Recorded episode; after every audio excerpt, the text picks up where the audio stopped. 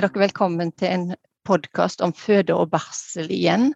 Eh, og denne gangen så handler det om eh, migrasjon og eh, kvinner som kommer fra andre land. Jeg heter Bente Kvilhausvik. Jeg er førstelektor i sykepleie i Høgskolen på Vestlandet, i campus Stord. Og jeg skal få snakke med deg, Tone. Ja, hei. Hyggelig å snakke med deg igjen. Jeg heter også Tone Engen, og jeg er jordmor. Og jeg jobber òg nå som høgskolelektor på jordmorutdanningen på Høgskolen på Vestlandet i, i Bergen, da. Mm, ja. Så ja, det er eh, masse interessant i de to første podkastene. Eh, så vi legger jo til grunn at dere har hørt de to podkastene før dere tar tak i denne, ikke sant? Ja, jeg tenker at der vil det i hvert fall være noe av grunnlaget for det vi snakker om. Ja. Selv om vi skal spisse det litt mer da, denne gangen mot kvinner som ikke kommer fra, fra Norge. Mm. Ja. Så, ja. Så da handler det litt om hvor disse kvinnene kommer ifra. Eh, hva som er årsaken til migrasjonen. Sant? Ja, altså det å, å migrere, eller migrasjon, betyr jo egentlig bare å flytte. Og det kan òg være innenfor landegrensene, men her nå så skal vi jo snakke om, om eh, kvinner eller familier som flytter fra andre land mm. til Norge. Og en sånn hoveddefinisjon på å være en migrant er at man sjøl er født i et annet land, og at eh, foreldrene mine heller ikke er født i Norge. Altså hvis man er en migrant til Norge, så er man verken født i Norge sjøl eller har foreldre som er født her. Mm. Eh, og årsaken til eh, migrasjon Altså migrasjon er et sånn paraplybegrep som handler om alle typer forflytning. Altså om det er flyktninger, eller om det er arbeidsinnvandring, eller om man er lovlig eller ulovlig. Så mm. dekkes alt det av migrasjonsbegrepet. Mm. Så det vi skal snakke om her i dag, er da sånn kvinner som kommer fra andre land. Mm. Det kan være fra Sverige? Ja, det kan være fra Sverige. sant? Ja. Var født i Sverige av svenske foreldre, flyttet til Norge, er en migrant. Mm. Ikke sant? Ja. ja. Så, det, så, det, så, det, kan være egentlig ganske stor variasjon i eh, land som de kvinnene kommer ifra, ikke sant? Ja, og det er noe viktig å tenke på at når vi snakker om migranter, så er det en stor gruppe. Det er ikke bare de som har kommet med båt over Middelhavet. Nei. Vi snakker om, sånn, vi snakker om en stor gruppe med mange forskjellige kvinner og som har veldig forskjellige behov. Ja, eh, for vi vet jo det at eh, personer som kommer til Norge, eh, de, har, de, har, forskjellig utdanning, de har forskjellig mm. kultur med seg. De, de, har mye forskjellig med seg, ikke sant? Ikke Noen sant, har ingen det... utdanning, ja, så, og det virker jo inn. Ikke sant. Men det som er felles, er jo stort sett det at det er relativt unge mennesker. Ja. Altså sånne unge voksne eller voksne. Ja. Som eh, kommer i hovedsak. Og de vil òg gjerne være i fertil alder. Noe ja. som betyr at eh, de Det her det som den elegante sliden kommer over til mitt eh, fagområde, da. At mange av disse har behov for de tjenestene som tilbys gravide mm. i Norge. Og det er det vi skal snakke litt om i dag. Sant? Hvordan, det, hvordan vi skal tilpasse tjenestene til de som kommer, når de er så stor gruppe. Mm. Ja. Det er klart at Dette av målene med svangerskapsomsorgen det snakket vi jo så vidt om, sant? er bl.a. det å sikre god helse hos mor og barn. Mm. Og at det skal utligne sosiale forskjeller. Sant? Det var derfor det var gratis, f.eks. Ja. Og vi bruker det til å selektere kvinnene til riktig omsorgsnivå, sånn at de får den hjelpa som de har behov for. Mm. Ikke for mye for fort, og heller ikke for lite for seint. Sånn. Mm. Og da handler det jo òg om at en faktisk må eh, komme i kontakt med disse kvinnene sant? på et sånt relativt tidlig tidspunkt i graviditeten. Eh, for hvis ikke så er det kanskje ikke så lett å selektere til riktig omsorgsnivå.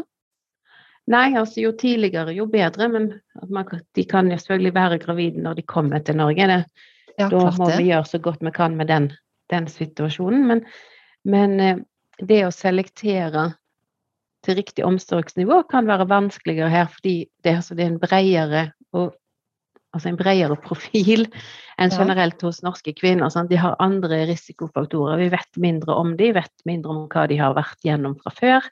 Mm. Eh, og hvilke, altså hva for en helsetilstand de har. Og man kan Ja. ha andre utfordringer som, som språk og kultur osv. Ja. Ja, sant. Så det her med at eh, eh, sykepleiere i møte med gravide fra andre land og kulturer eh, Mhm. trenger gode evner til å kommunisere sant, med personene. Det gjelder jo veldig her. Å Ja, være veldig det. lyttende og, og, og kanskje måtte bruke tolk og Ja, det er særlig det med tolker. Det å være åpen for at de kan ha en annen forståelse for hva helsevesenet kan tilby, mm, enn det norske kvinner, eller svenske for den slags skyld, kanskje forventer seg. Men Ja. informasjon er viktig, særlig om de tjenestene som her handler om graviditet og fødsel, fordi eh, de er gratis. Kanskje det ikke er så vanlig å gå til oppfølging i graviditeten der som denne kvinnen kommer fra. mm, Eh, kanskje ikke nødvendigvis heller stole på at helsevesenet vil henne vel. Nei. Men så vet vi jo noe om hvor viktig det er med oppfølging i svangerskap og å få forberedt kvinnene til fødsel. mm, Fordi det er viktig både for hvordan svangerskapet utvikler seg, hvordan de opplever fødselen, hvordan utfallet av fødselen blir, og hvordan resten av hennes eh, fertile liv vil forløpe. Sånn at Mhm. det er viktig at vi får fanget de opp og får gitt de omsorg som er tilpassa det behovet som de har. Mm. Ja. Og det handler om å sikre god helse både hos mor og barn. Mhm. Og det gjør en jo helt ifra barnet ligger i magen til mor. Ja, Ja. det gjør man. Det er jo da det, det er da vi begynner. Ja. Altså å sette, inn støtet der og få fulgt det godt opp i graviditeten er viktig for nettopp det som jeg sa i stad, at det påvirker både fødselsopplevelse og utfall av fødsel, altså hvordan det går i fødsel, og hvordan de har det etterpå. Mm. Men det er klart at dette kan være vanskelig hvis man møter ei kvinne som det er vanskelig å kommunisere med fordi det er språkbarrierer, eller det er kulturelle barrierer, eller fordi hun ikke stoler på, på helsevesenet. Altså det, vi vil jo gjerne ha, ha de inn så tidlig som mulig, og det er viktig å informere dem om hvordan tilbudet er, og Mhm. hva vi kan gjøre for dem. Mm. Sant? Og sykepleiere møter jo eh, personer altså, i ulike deler av helsetjenestene i Norge. Mm. Sant? Sånn at eh, en kommer i kontakt med kvinner som er gravide, og som kanskje ikke vet hva rettigheter de har. Sant? Hva tilbud de kan få. Eh, sånn at dette med å kunne informere, dette med å kjenne til systemet og, og vite litt om det, det blir viktig her. Det er veldig viktig. Eh, Og kvinner som bor eh, i mottak på ulike deler av landet, trenger òg at eh, de som drifter mottakene, eller de som har helsetilsyn med mottakene, vet noe om dette. Og kan Mm. eh, fortelle hva vi kan tilby dem, og hva de har rett på. Mm. Fordi at alle kvinner har rett på oppfølging i svangerskap og fødsel.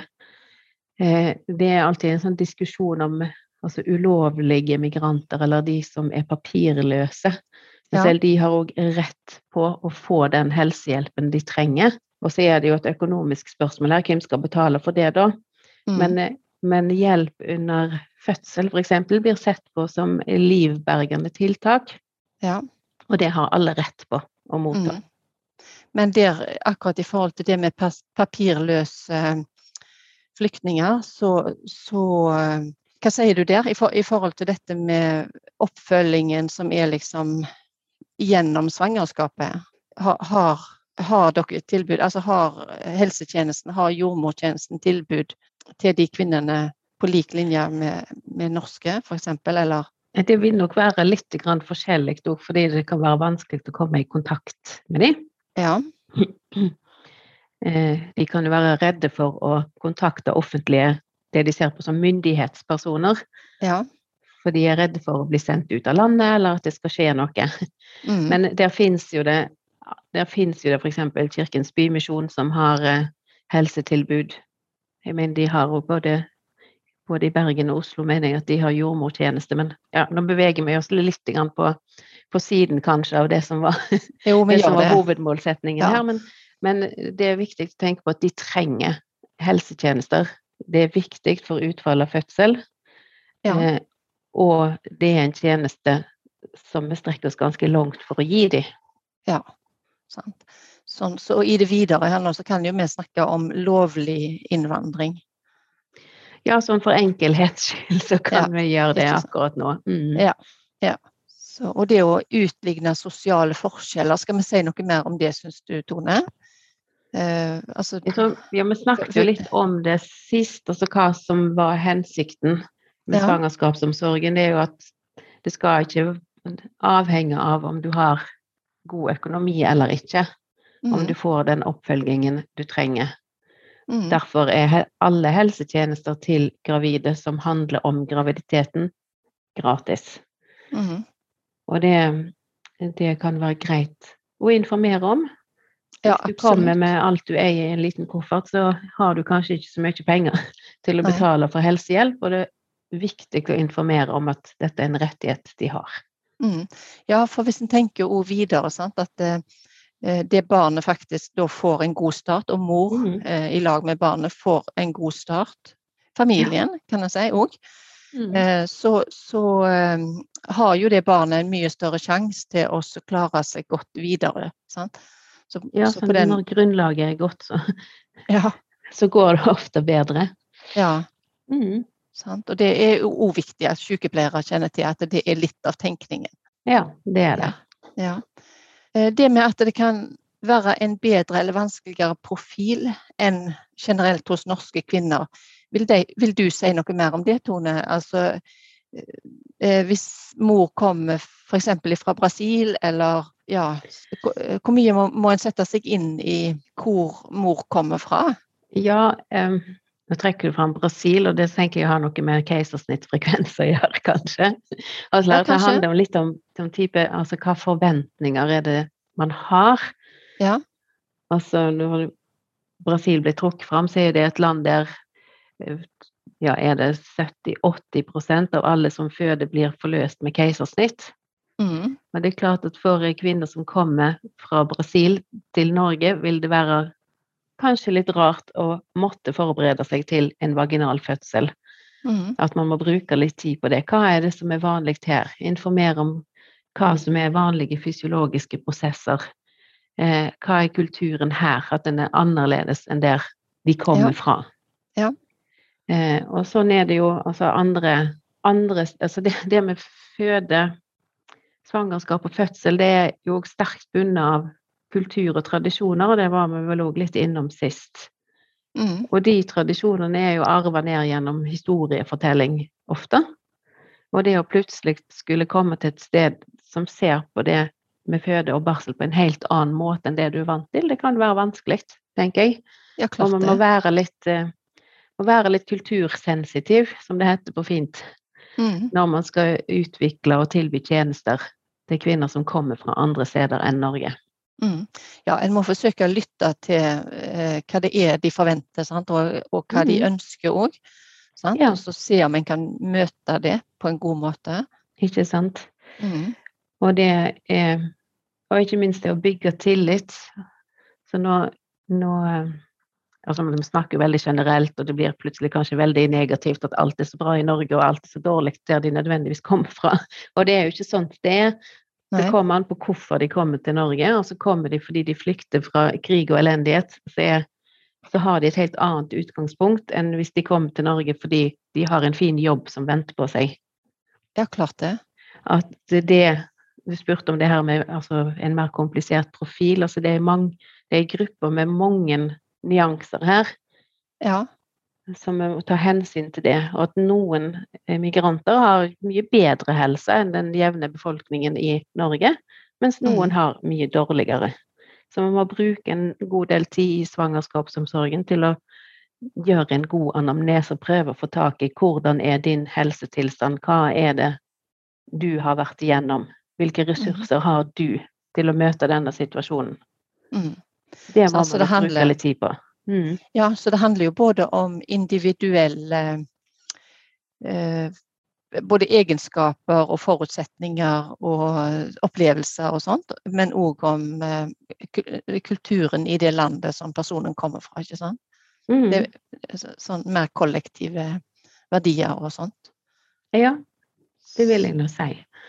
Ja. Og så har man jo altså barrierer som man må overskride, f.eks. en sånn type språkbarriere. Og Ja. bruk av tolk, det høres jo veldig greit ut. OK, da kommer du fra Polen, da skal jeg bare få tak i en tolk. Det går stort sett greit på hverdager i kontortid. Mm. Men hvis du kommer inn eh, midt på natta en, eh, en lørdag i sommerferien, så er Mm. kanskje det å få tak i en tolk ikke så enkelt. Mm. Og da har man plutselig en stor språkbarriere som kan gjøre arbeidet vanskelig. Mhm. Eh, og det er klart at eh, sykehusene har òg økonomiske føringer på hvor ofte det er lov å bruke tolk i løpet av eh, svangerskap, fødsel. Mhm. Noen har en sånn grense på at ok, du kan få en tolk akkurat når du føder, og så kan du få en samtale med tolk før du reiser ut. Og alt det som foregår imellom der, får vi ta med kroppsspråk. Ja, det er ikke lett. Nei, det er ikke så enkelt. Og så er det sant, man kan godt skaffe en tolk, men er dette en tolk som familien nødvendigvis godtar? Mm. Kanskje de kommer med en tolk som helsevesenet ikke nødvendigvis godtar, hvis det er et familiemedlem f.eks. Mm. Sånn at det, det her òg med å bruke tolk er ofte greit, men det er ting man må ta hensyn til der òg. Og så har vi òg sånn hvordan uttrykker de smerte, hvordan uttrykker de glede, hvordan uttrykker de sinne. Det kan òg være forskjellig, og ikke nødvendigvis sånn at vi lett kjenner det igjen. Det spørs litt på hvor forskjellige kulturer vi kommer fra. Ja. Det å uttrykke smerte, eksempel. Ja, for en, eh, altså en, en regner jo på en måte med noen sånne uttrykk som universelle. Sant? Sånn, det her med Mhm. uttrykk for glede og kanskje uttrykk for sorg eller uttrykk for smerte. En regner Mhm. det på en måte som eh, universelle måter å uttrykke seg på. Men det er litt forskjellig. For vi, vi, har, vi lærer ting mens vi vokser opp. Vi lærer ting mens vi er i en kultur. Sånn at Ja. det er ikke alltid sikkert at glede blir uttrykt på samme måten. Det er akkurat det, det er akkurat et godt poeng. Altså, det er ikke alltid det blir uttrykt på samme måten. Og kanskje det er andre Altså det er andre ting som skal til for at du uttrykker den gleden som jeg viser når du gjør sånn, så, ut, så uttrykker jeg glede over det. Men hvis jeg er fra et annet sted, så er det noe annet som vil utløse den samme responsen. Mm. Litt eh, klønete forklart, kanskje, men Ja, ikke mulig til å forstå. Ja. Ja, det tror jeg. Og så eh, en annen ting òg det at eh, i vår kultur, eller hva skal jeg vår, vår kultur, det, det høres jo òg litt sånn flåsete ut på en måte, sant? men eh, hvis en tenker de fleste i Norge, så har de valgt graviditeten sin sjøl. Uh, og hvis det er en kultur der kvinnen ikke velger om hun skal bli gravid sjøl, uh, så er det jo ikke sikkert at hun er så veldig glad for graviditeten eller barnet. Nei, det kan jo godt være altså, hvis man kommer til altså, oppfølging i svangerskap og fødsel, som jo oftest blir sett på som en sånn type gledelig begivenhet. Altså stortingsmeldingen om, om svangerskap og fødsel heter jo tidligere sånn, en gledelig begivenhet. Det er jo ikke helt Ja. sikkert at det er det. Så hvis du, hvis du kommer fra en kultur der kvinnen i veldig stor grad er underlagt mannen eller storfamilien, eh, der tilgangen på prevensjon er dårlig, så er det jo slett ikke sikkert at svangerskap er en sånn gledelig begivenhet som det, som det vi tenker. Ja. Eller sant, at eh, det har skjedd ting, eller mor har vært utsatt for traumer vi ikke vet noe om, som òg gjør at, at det å være gravid er vanskeligere. I tillegg Klart. til at du har flytta fra alt du kjenner, og alt du er og alt du har. Og kanskje støttepersoner, sosiale Ja, støttepersoner. sant? Du har et dårlig nettverk. Du forstår ikke språket, og du forstår ikke systemet. Det kan være utrolig stressende. Mm. Og om du har traumer, så kan det jo skape en type retraumatisering. Så det, kan, det er jo en in, utrolig intens opplevelse, og intense fysiske Ja, forandringer i kroppen. ja, fysiske forandringer eller påkjenninger eller manifestasjoner i kroppen sant? som skjer Mm. under svangerskap og fødsel, som kan føre til retraumatisering hvis man har Mm. vært utsatt for, for overgrep i krigshandlinger, f.eks. Mm, klart. Det er klart at det er kanskje ikke så aktuelt hvis du kommer fra Sverige, Nei. men, men noen steder sånn, så er dette helt klart et problem som vi må hen, ta hensyn til. Ja, ja sånn, så det handler om å møte kvinnene med empati og ja, med, med eh, vilje til å lytte, rett og slett. Mm. Med kultursensitiv kommunikasjon. Ja, sånn at man kan skape trygghet og tillit i svangerskapsomsorgen, men òg når de kommer inn for å føde barnet sitt. Mm. At man kan ha Klart at hvis, eh, hvis man har fått fanga de opp tidlig og fått gitt de god informasjon, og gitt informasjon om hvordan fødselen forløper, og hva de kan forvente seg på fødeavdelingen, så har de et helt annet grunnlag enn enn, eh, hvis de kommer til Norge og allerede er langt på vei i graviditeten sin, og noe av det første som skjer, er at de føder barnet sitt. Det vil være en ganske stor forskjell på det. Ja. Og stor forskjell på altså, hvilken type hjelp vi kan klare å, å gi dem, kanskje. Mm. Og bygge opp, eh, bygge opp en relasjon når man har språkbarrierer, og det har skjedd mye med den kvinne som vi ikke vet noe om, kan Mm. være vanskelig på ei fødestue. Mm. Ja, så her er holdninger og væremåte i alle fall eh, viktige i forhold til det å, å mm, forsøke å innby til trygghet og Mm, ja. ja, det er det. Ja, ja. Man må være bevisst på hvordan man, hvordan man fører seg, og være bevisst på sine egne holdninger. Sånn, Hva, hva er det jeg egentlig tror om den personen jeg har foran meg nå? Det vil jo farge det du gjør og tilbyr i Mhm. ganske stor grad. Og det er jo ikke sikkert at det er sånn, man må være litt bevisst på det. Ja. Litt årvåken. Ja, Ja. det tror jeg er viktig. Dette med uttrykk for smerte, det, er det ulikt òg? Eller er det lett å forstå om en person har det vondt og vanskelig? Ja, Ikke nødvendigvis. Altså, fødselssmerte er jo sånn omdiskutert og mye oppe i media. Sant? Hva er fødselssmerte? Hvor mye skal den lindres? Hva er den egentlig et uttrykk for? Det er egentlig en egen podkast i seg sjøl, så det kan vi kanskje gå, gå inn på der. Men, men det er hvordan smerte blir uttrykt i andre kulturer enn den norske, kan gjøre det vanskelig å lese Mm. ei kvinne i fødsel. For det er klart at vi bruker, når jeg er jordmor, så bruker jeg uttrykk for smerte, jeg bruker lyder, jeg bruker pustefrekvens som en slags indikator på hva som skjer i fødsel. Mm. Men hos kvinner som har en annen bakgrunn, som har eh, en annen måte å uttrykke seg på, så kan det være vanskeligere Mm. for meg å lese det. Det kan det absolutt. Og når det er Ja. vanskelig å få, få spurt om de parametrene jeg er interessert i. Sant? Hvor Mhm. er det vondt, hvor intenst syns du det er, syns du det er verre nå enn det var for en time siden? At det kan være vanskelig å få, få klarhet i. Mm. Og så er det jo det at mye av smertene under en fødsel kommer av muskelarbeid. Og det å være avspent og slappe av og føle seg trygg og godt ivaretatt, er en stor smertelindrende faktor i seg sjøl. Og Mm. det kan jo være vanskelig da, hvis det er vanskelig med kommunikasjon, eller hvis man eh, er ny i landet og ikke stoler på helsepersonell og ikke aner hva som skal skje. Mm. Så er det vanskelig, sant? Da strammer en musklene sine mer. Ja, man er, man er anspent, og det er kanskje Mm. ikke så lett å få laga den her eh, lille sonen av trygghet som vi gjerne vil at de fødende kvinnene skal oppleve. Mm.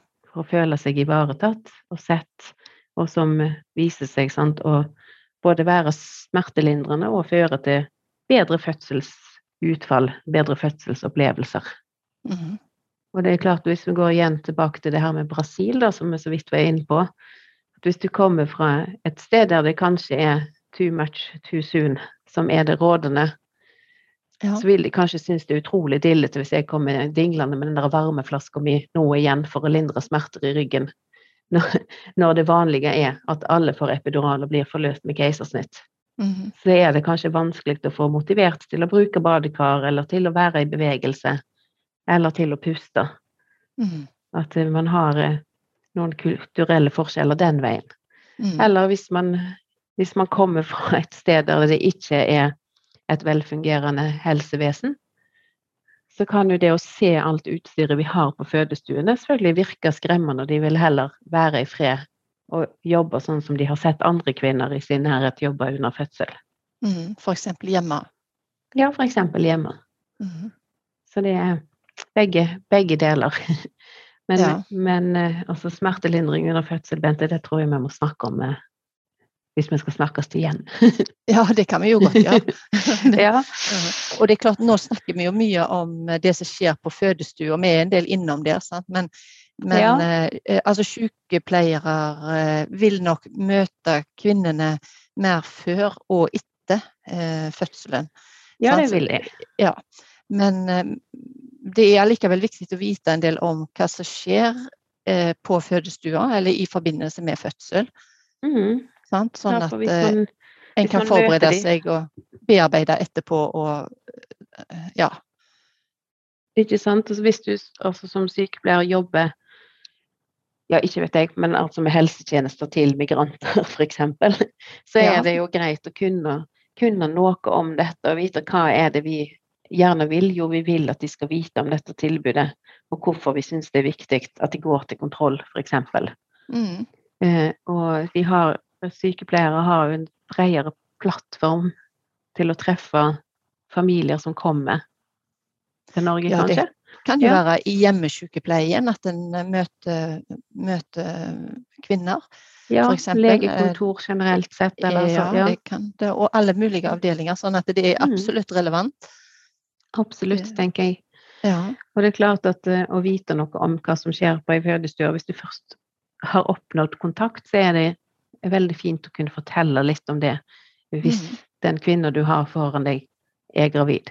Snakke litt om det. Hva er Ja. det vi gjerne vil at skal skje? Jo, vi vil gjerne at du skal gå til kontroller, fordi det fører til at eh, både du og barnet får ei bedre helse. Mm. Hva er det som vil skje når du kommer til sykehuset? Mm. Noe om det. Ellers Ja. er jo det igjen sant, med føde og barsel. Eh, og barsel kanskje et sted der sykepleiere kan møte disse kvinnene, eller med, i hvert fall med ganske små barn. Mm. Vite òg det at barseltiden er jo utrolig knyttet opp mot kultur og tradisjon, som mm. kanskje ikke er akkurat sånn som de vi har her i Norge, eller på Kvinneklinikken i Bergen, som er mitt, mitt arbeidssted. Sant?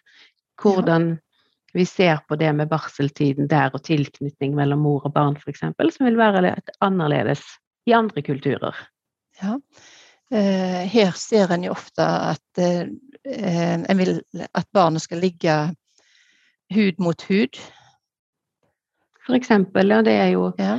det er jo eh, en av de tingene vi virkelig streber mot på fødeavdelingene i, i Norge generelt sett, at når barnet er født, skal det løftes opp til mor, og så skal det være der hud mot hud uten forstyrring.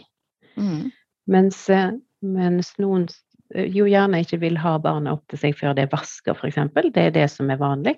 Mm. At det skal bades først. Gjerne at eh, far skal eh, ta imot barnet først, som en sånn Mhm. type overlevering. At her er barnet ditt. Mm. Eh, det kan være vanligere å reive småbarn, f.eks. Hvis de er urolige og gråter, så vil jo jeg gjerne legge det hud mot hud mot mor. Mens i noen kulturer så er det vanlig sånn, å reiv, med reiving, sånn at barnet roer seg ned. Reiving, hva i alle dager er det? Ja, hva er det? Jeg har aldri gjort det. Men altså, reiving handler om å pakke barnet inn relativt stramt i tøy, sånn at de ikke kan stresse seg sjøl opp med å fekte med armer og bein. Mm. Altså når, bar, når eh, fosteret ligger i magen, så ligger de jo så De har jo plass, de kan sparke, men de ligger relativt trangt, sånn at de er Mhm. vant til å ha det. Så Mhm. all den friheten som eh, spedbarn opplever når de er helt nyfødte, kan du, altså er jo veldig uvant for dem. De liker Ja. godt å bli holdt og pakka inn. Ja. Og reiving er altså en slags form for å pakke inn barn, sånn at de opplever litt av den tilstanden de var i før de ble født. Ja. Altså de blir holdt og har litt begrensa bevegelsesmuligheter, rett og slett. Mhm. Det finnes nok sikkert mange forskjellige teknikker òg med det, men Ja. det får man gå på, på YouTube og se. ja, eller spør.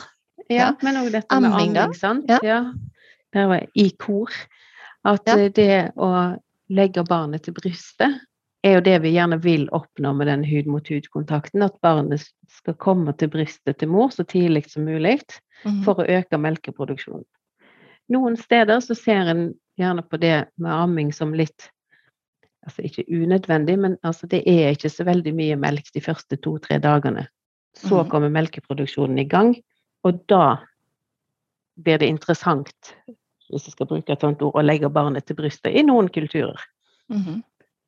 Fordi at det å, å At barnet skal bruke krefter og energi på å amme når det kommer så lite ut, er Ja. noe ja, Og der kan man jo sikkert òg skylde litt på morsmelkprodusenter.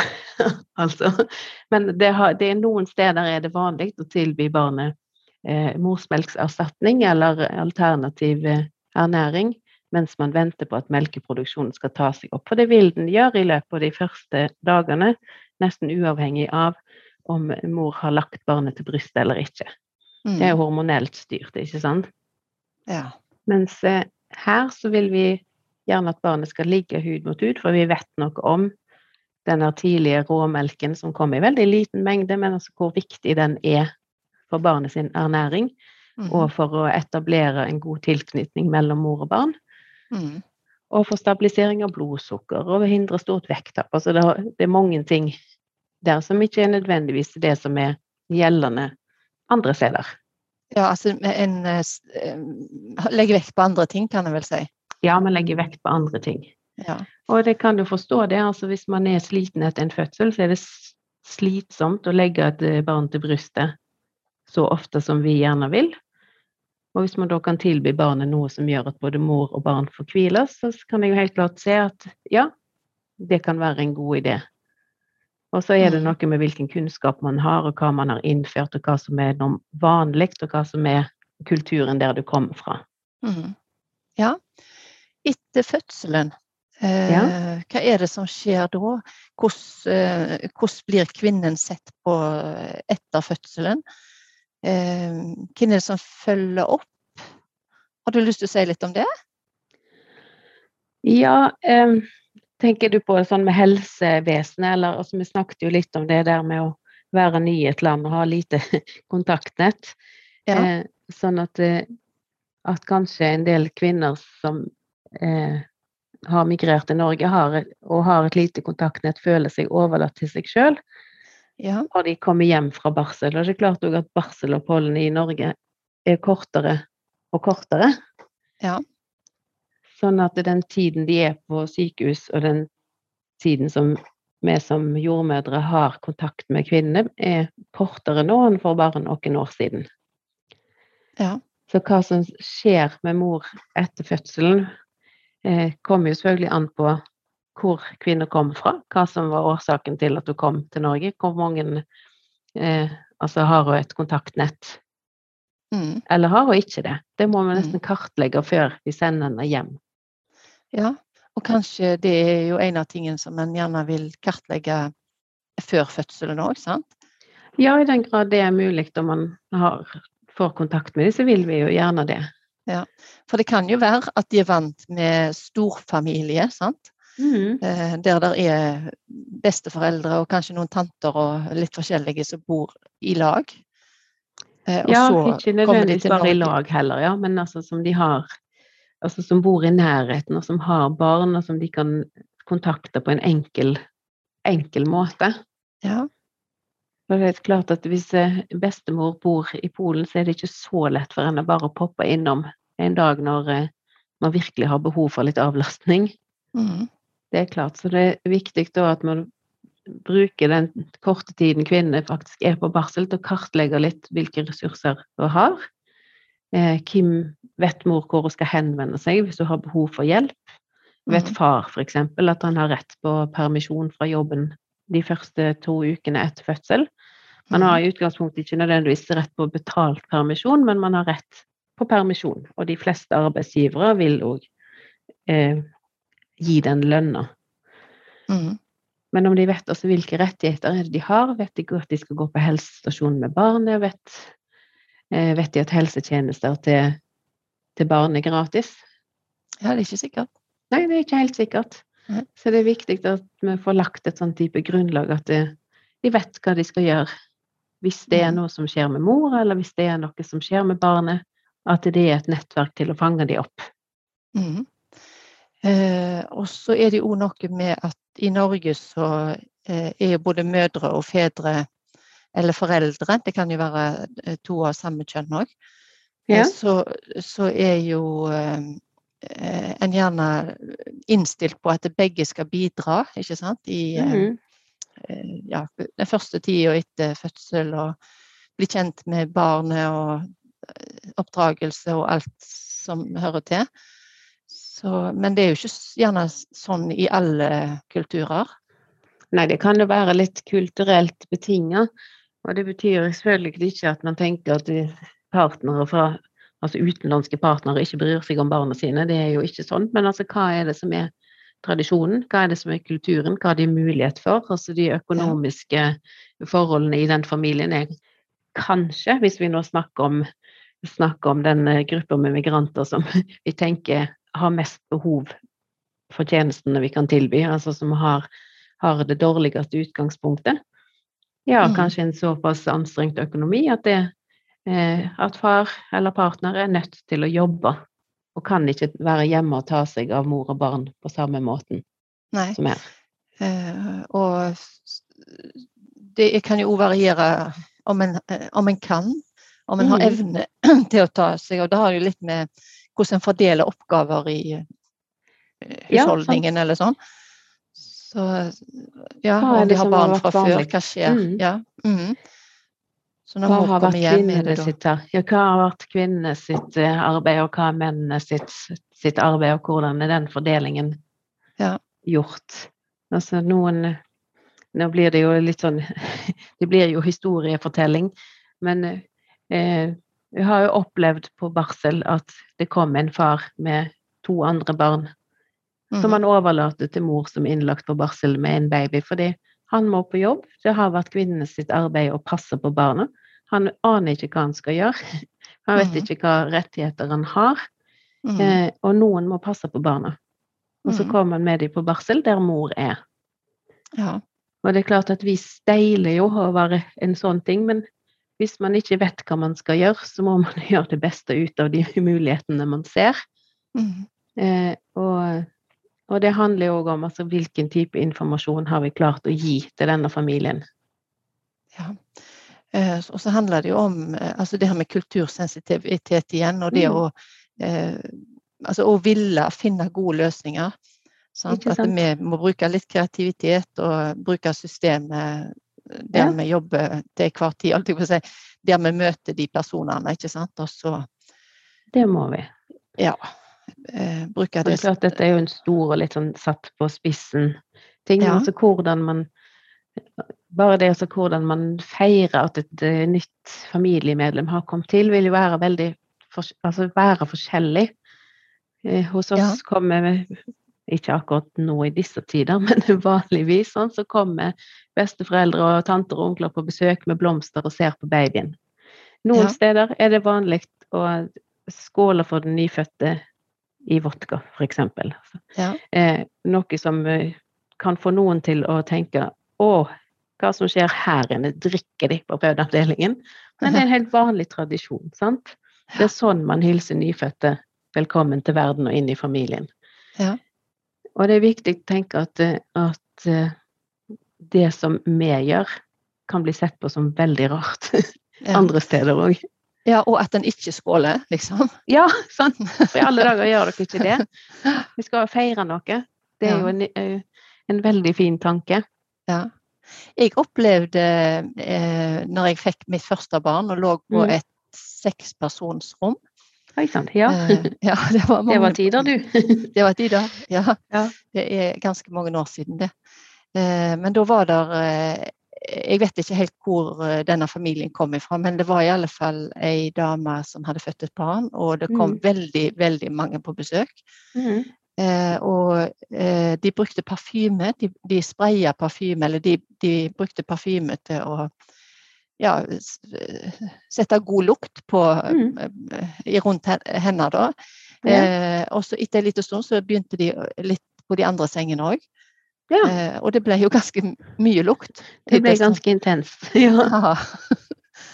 Mhm, Så det kan òg være Har har du noen forklaring på noe sånt? Nei, det, det har jeg ikke. Um, det har jeg aldri, heller aldri opplevd. Men altså, sånn, sånn var det man gjorde det. Det skulle lukte godt, sikkert friskt. Kanskje det har noe med at noen steder så blir jo kvinner i barsel sett på som ureine pga. blødning. Jeg vet ikke. Ja, Kanskje. Eh, At det det kan kunne være være. en form for renselse, kanskje. Eller Ja, i alle fall det kan- var det et rituale. Ja, det var et Det- ritual. Det er helt Sånn. sikkert. Ja. Um, noen uh, syns jo det er veldig rart sant, at eh, de som kom på besøk på barselavdelingen, altså bestemødre eller tanter, altså ikke kan overnatte der for å hjelpe til med barnet. Det ville man jo Ja. gjort ellers. Um, Ja. At eh, det skal overlates til helsepersonell på jobb. Så det er, mange, altså, det er mange ting som kan være annerledes. Ja, det er det. Ja. Nei, akkurat det her med parfyme har jeg ikke vært borti, altså. Det var noe, sikkert en litt overveldende opplevelse på et seksmannsrom, kan jeg tenke meg. Ja da, men det ordner seg nå det etter hvert. Men Ja. Det er jo interessant. Og- ja. Ikke sant? Mm. Men sånn, hva mat kan man spise etter fødsel? Det kan være kulturelt betinget. Mm. Eh, og noen er jo heldige da og har familie som kan komme med mat til dem, sånn at det blir sånn som de har tenkt, og sånn som tradisjonen er. Ja. mens andre ikke har det. Og syns Mm. at den der eh, skiva med leverpostei som vi serverer, er ja, ikke, det er ikke det man skal spise etter fødsel, sant? for det er ikke det de har lært. Mm. ja. Så en kan ha mye med seg i bagasjen med tanke på hva ei kvinne er, og hva en kvinnekropp er. Mm, ja. Eh, sant? Og, eh, der er, noen har gjerne vært omskåren ja, før graviditet og fødsel, så det kan jo komplisere er jo- ting. det kan det absolutt. Og det med omskjæring er jo òg eh, Det gjelder jo selvfølgelig bare en liten gruppe kvinner, men det er klart at, eh, at det å være omskåret er problematisk når det kommer til svangerskap og fødsel. Mm. Eh, og det, det Jeg vet ikke hvor mye vi skal gå inn på det sånn i detalj, men det kunne vi jo kanskje det, snakket men- om. Ja. Ja, det kunne vi sikkert også snakket om i en podkast, men, Ja. men i alle fall at en kan være oppmerksom på at uh, det er ting som kan gjøre ting mer komplisert. ja, at dette er en av de tingene som det er viktig å kartlegge. Sant? Og ha en oppfatning om hva har skjedd med deg i ditt Mm. liv. Hva er det man må ta hensyn til når du kommer til fødsel. Mm. Eh, eh, handler det om omskjæring, så er det selvfølgelig snakk om et lite kirurgisk inngrep som må gjøres enten før fødsel eller i forbindelse med fødsel, der man, der man eh, eventuelt åpner en, en omskjæring. Mm. Eh, har du kunnet velge om du vil ha barn eller ikke? Det kan jo være greit å kartlegge det. Har du behov for muligheten til å velge om du vil ha flere barn eller ikke? Ja. Det kan jo være greit å kartlegge. Noen, noen eh, kvinner får det, altså er, Dette er jo litt spissfindigheter, men altså det å legge inn en spiral på ei kvinne som akkurat har født eh, Ja. når hun er på sykehuset, sånn at hun ikke får flere barn med en gang, men mannen ikke må vite noe om det, er umulig. Man må kunne kartlegge det, snakke om det. Eh, Har du født barn fra før? Hvordan gikk det? Har du barn som lever? Har du mista et barn, kanskje? ja. Eh, hvor kommer du fra? Hva som skjedde med deg når du migrerte til Norge? Mm. Hva har du vært utsatt for på veien? Eh, hvordan blir kvinner sett på? Altså er det er kvinner mannens eiendom og dermed blir styrt av han? Eller litt sånn tvert imot kan det òg være. Det er jo veldig lett å tenke at ok, her kommer du inn med et heldekkende hodeplagg, da er det mannen din som bestemmer alt. Det er ikke sikkert det er sånt. Det er Nei. på det her med kultursensitivitet igjen. Ja, ja, det er det vi tror, sant? ja, forutinnsatte holdninger mm. kan det være, ikke sant? Ja. Vi skal ikke tro at vi er best på noen måte. Nei, Men, men, men, men, men det er ulike kulturer, og det er jo òg eh, kulturer i Norge. ikke sant? Det er, en, det er jo på en måte sånne tendenser som er mer generelle, som, som Mm. er, en, en gjerne kan regne for kultur i Norge. Sant? Men, Mm, men eh, ja. absolutt. Men det er sånn Altså hvordan sykepleiere slash jordmødre forholder seg til kvinner eller foreldre fra ulike kulturer, mm. er egentlig å bare være åpen og lyttende til hva de har å fortelle, hva de ønsker seg, hva de kartlegger, hva de vet fra før, hvilke ressurser har de. mm, Og være åpen for at det finnes variasjoner i både preferanser og i forskjellige praksiser. Og at den babyen som blir født, ikke er det norske helsevesenet sin baby, men det er familien sin baby. ja. Eh, og at de har stor grad og stor, er stor rett til å bestemme over hva som skal skje. Mm. Ja. Så vi kan fortelle, vi kan informere, men vi kan absolutt ikke overkjøre. Nemlig. Og det tenker jeg er viktig. At Mm. ja, det var kanskje litt rart hvis det ikke er en praksis du vet er skadelig. Som for eksempel hvis vi var innom omskjæring, altså omskjæring av jentebarn ja. er én ting, men altså hvis det handler om handler om ting som altså hvordan man legger barnet til brystet, om man velger hud mot hud eller reiving, da kan man informere. Og så mhm. må man være åpen for at nei, det passet ikke her. Mm. Ja, så vi kan jo presisere det at omskjæring av jenter er forbudt. Det er veldig forbudt. Ja. Ja. Eh, men det handler om å bli kjent med sine egne preferanser som sykepleierstudent eller sykepleier, sant? og sine egne fordommer. Eh, Mhm. Hvordan er det vi tenker om ja, både om oss sjøl og om andre, ikke sant? Ja. For at en ikke skal dømme andre, men at en faktisk skal være veldig lyttende. Ja. Eh, og empatisk til stede for den andre. ja.